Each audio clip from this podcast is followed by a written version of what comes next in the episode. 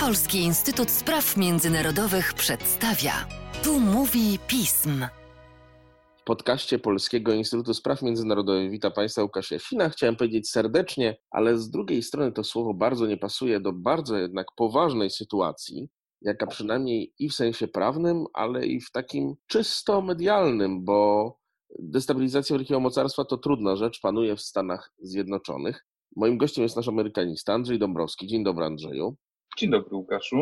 Masz dzisiaj dużo pracy, komentarze, teksty. Dziękuję Ci, że znalazłeś czas. Powiedz mi, co tak naprawdę działo się w Stanach Zjednoczonych 6 stycznia, bo odsłonił się przed nami kolejny etap kończenia amerykańskiego procesu wyborczego. Zgadza się, to jest prawie ostatni element. Przed nami tylko 20 stycznia zaprzysiężenie nowego prezydenta. Jest nowy kongres, wybory uzupełniające do Senatu w Georgii zostały zakończone. Zwycięstwo odnieśli tam demokraci, także w tym momencie już tylko jeden element przed nami. Zdawałoby się jeszcze wczoraj po południu, że niby jesteśmy blisko, ale pokaz siły ludu amerykańskiego, a przynajmniej część tego ludu, dał do zrozumienia, jak jednak delikatną instytucją jest państwo demokratyczne, jak bardzo Amerykanie muszą pilnować, żeby standardy swojego systemu politycznego zachować w stanie nienaruszonym. Ale można zaryzykować stwierdzenie, że ten system jednak wczoraj wygrał, mimo wszystko.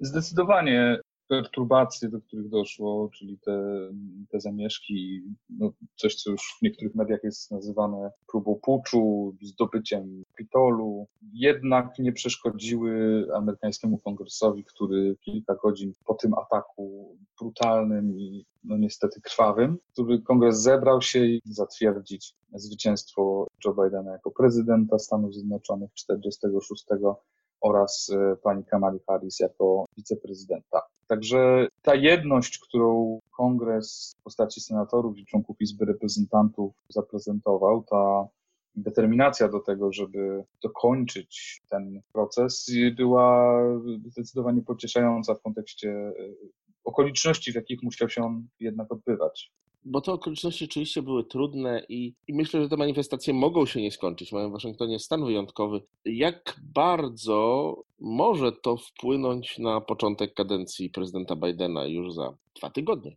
Faktycznie za dwa tygodnie będzie zaprzysiężenie i Joe Biden będzie miał no, właściwie nieskrępowaną władzę, jeżeli chodzi o, o swoje możliwości wpływu na państwo amerykańskie, jeżeli chodzi o ten poziom federalny, no bo przypomnijmy, w listopadowych wyborach zwycięstwo po raz kolejny odnieśli demokraci w Izbie Reprezentantów. Sytuacja w Senacie była cały czas zawieszona, ponieważ wszyscy czekali na wybory uzupełniające w Georgii na jeszcze dwa mandaty senackie. Te mandaty przypadły ostatecznie demokratom, w związku z czym z takiego punktu widzenia prawnego Joe Biden, kiedy obejmie za 13 dni urząd, no będzie mógł swobodnie zacząć realizować plany, które prezentował w swojej kampanii wyborczej, będzie mógł zająć się reformą państwa, będzie mógł przede wszystkim zająć się tym najważniejszym zagrożeniem, z którym Stany Zjednoczone zmagają się już przez cały rok, czyli no właściwie z największą na świecie ilością zakażeń i zgonów wywołanych pandemią COVID-19.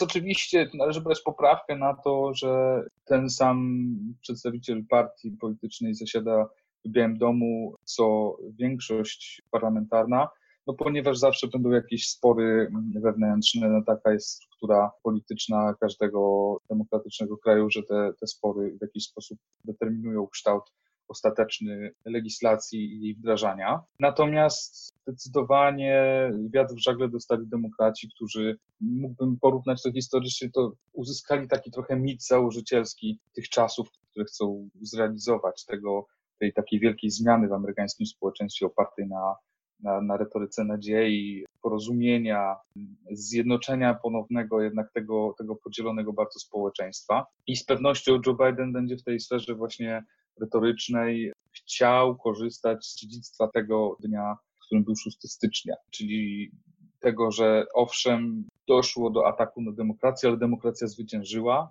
Moja tutaj obecność jest tego dowodem i przykładem. Także nie obawiaj się ludu amerykański, wszystko będzie dobrze. Wystarczy, że uwierzycie we mnie i w moje decyzje. No oczywiście Joe Biden jest politykiem, więc to takie słowa będą przechodziły przez jego gardło z dużą łatwością. Natomiast czy one zostaną kupione, kolokwialnie mówiąc, przez amerykańskich wyborców. O ile nie mam wątpliwości, jeżeli chodzi o wyborców Partii Demokratycznej, to te wątpliwości co do republikańskiego elektoratu zdecydowanie możemy o tym zapomnieć. O ile na pewno jakaś część Amerykanów, którzy głosowali na prezydenta Trumpa i na republikanów, jest zdegustowana wczorajszymi zamieszkami no i ich efektem, to sam fakt, że doszło do takiego zdarzenia, wskazuje na to, że jest ogromna grupa zdeterminowanych wyborców republikańskich, zdeterminowanych do tego, żeby jednak starać się realizować te koncepcje, które Donald Trump zgrabnie ujął w haśle Make America Great Again. Oni cały czas w to wierzą i wydaje mi się, że Partia Republikańska jeszcze przez wiele lat będzie się z tego problematycznego jednak hasła i tego, co za nim stoi, otrząsać. Jedno pytanie, broń Boże, nie, nie domagam się od Ciebie zdolności profetycznych. Paradoksalnie, na ile to, co się wczoraj stało, daje Partii Republikańskiej szansę na zerwanie z Trumpem i na budowę od nowa? Na pewno Partia Republikańska jest w kłopocie, ponieważ musi pogodzić dwa bardzo skrajne nastroje. Pierwszy to jest ten nastrój, który obserwowaliśmy, kiedy włączaliśmy wczoraj telewizję, czy patrzyliśmy do internetu i widzieliśmy ludzi obalających policjantów na korytarzach siedziby amerykańskiego kongresu, wdzierających się ludzi do e, sal posiedzeń, czy, czy człowieka, który z nogami na stole przejmuje gabinet e, Nancy Pelosi, czyli speakerki Izby Reprezentantów. A drugim nastrojem, który musi, który będzie musiała pogodzić Partia Republikańska, no jest jednak e, potrzeba e, stabilizacji, e, potrzeba jakiegoś powrotu do normalności i chęci posiadania reprezentacji politycznej, która jednak będzie starała się skutecznie i potrafiła skutecznie te interesy wyborców republikańskich reprezentować właśnie w Waszyngtonie.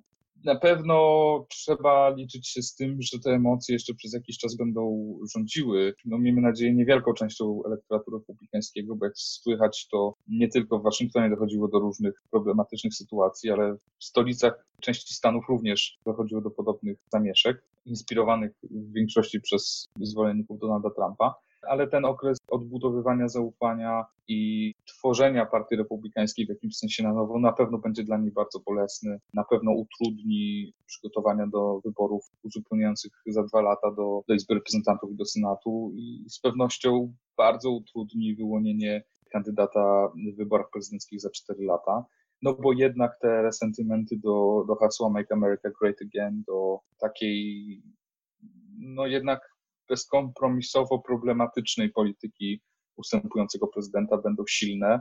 Jeżeli już mam wróżyć, tak jak tutaj zasugerowałeś, że możemy spróbować, to zakładam, że, że, że będzie się ciągnęło za, za partią republikańską swądek problematycznych zagadnień jeszcze przez wiele dziesiątków lat, tak jak za to, że partią przez jakiś czas ciągnęły się problemy wywołane przez Richarda Nixona przy okazji afery Watergate, czy za demokratami do dziś w jakimś sensie ciągnie się dziedzictwo Konfederacji, która jednak no, przez demokratów była zdominowana. Demokraci oczywiście wykonali przez te 150 lat ogromną pracę, żeby poradzić sobie z tym, z tym problematycznym dziedzictwem, ale jednak raz na jakiś czas przypomina się amerykańskim życiu publicznym, że do takich zdarzeń historycznych doszło. Andrzeju, będziemy jeszcze o tym rozmawiali w styczniu. To na pewno nie jest nasz ostatni podcast, ale liczę, że kolejne będą już, jak to się mówi, w trybie nieco bardziej nienadzwyczajnym. Trzymam za to kciuki.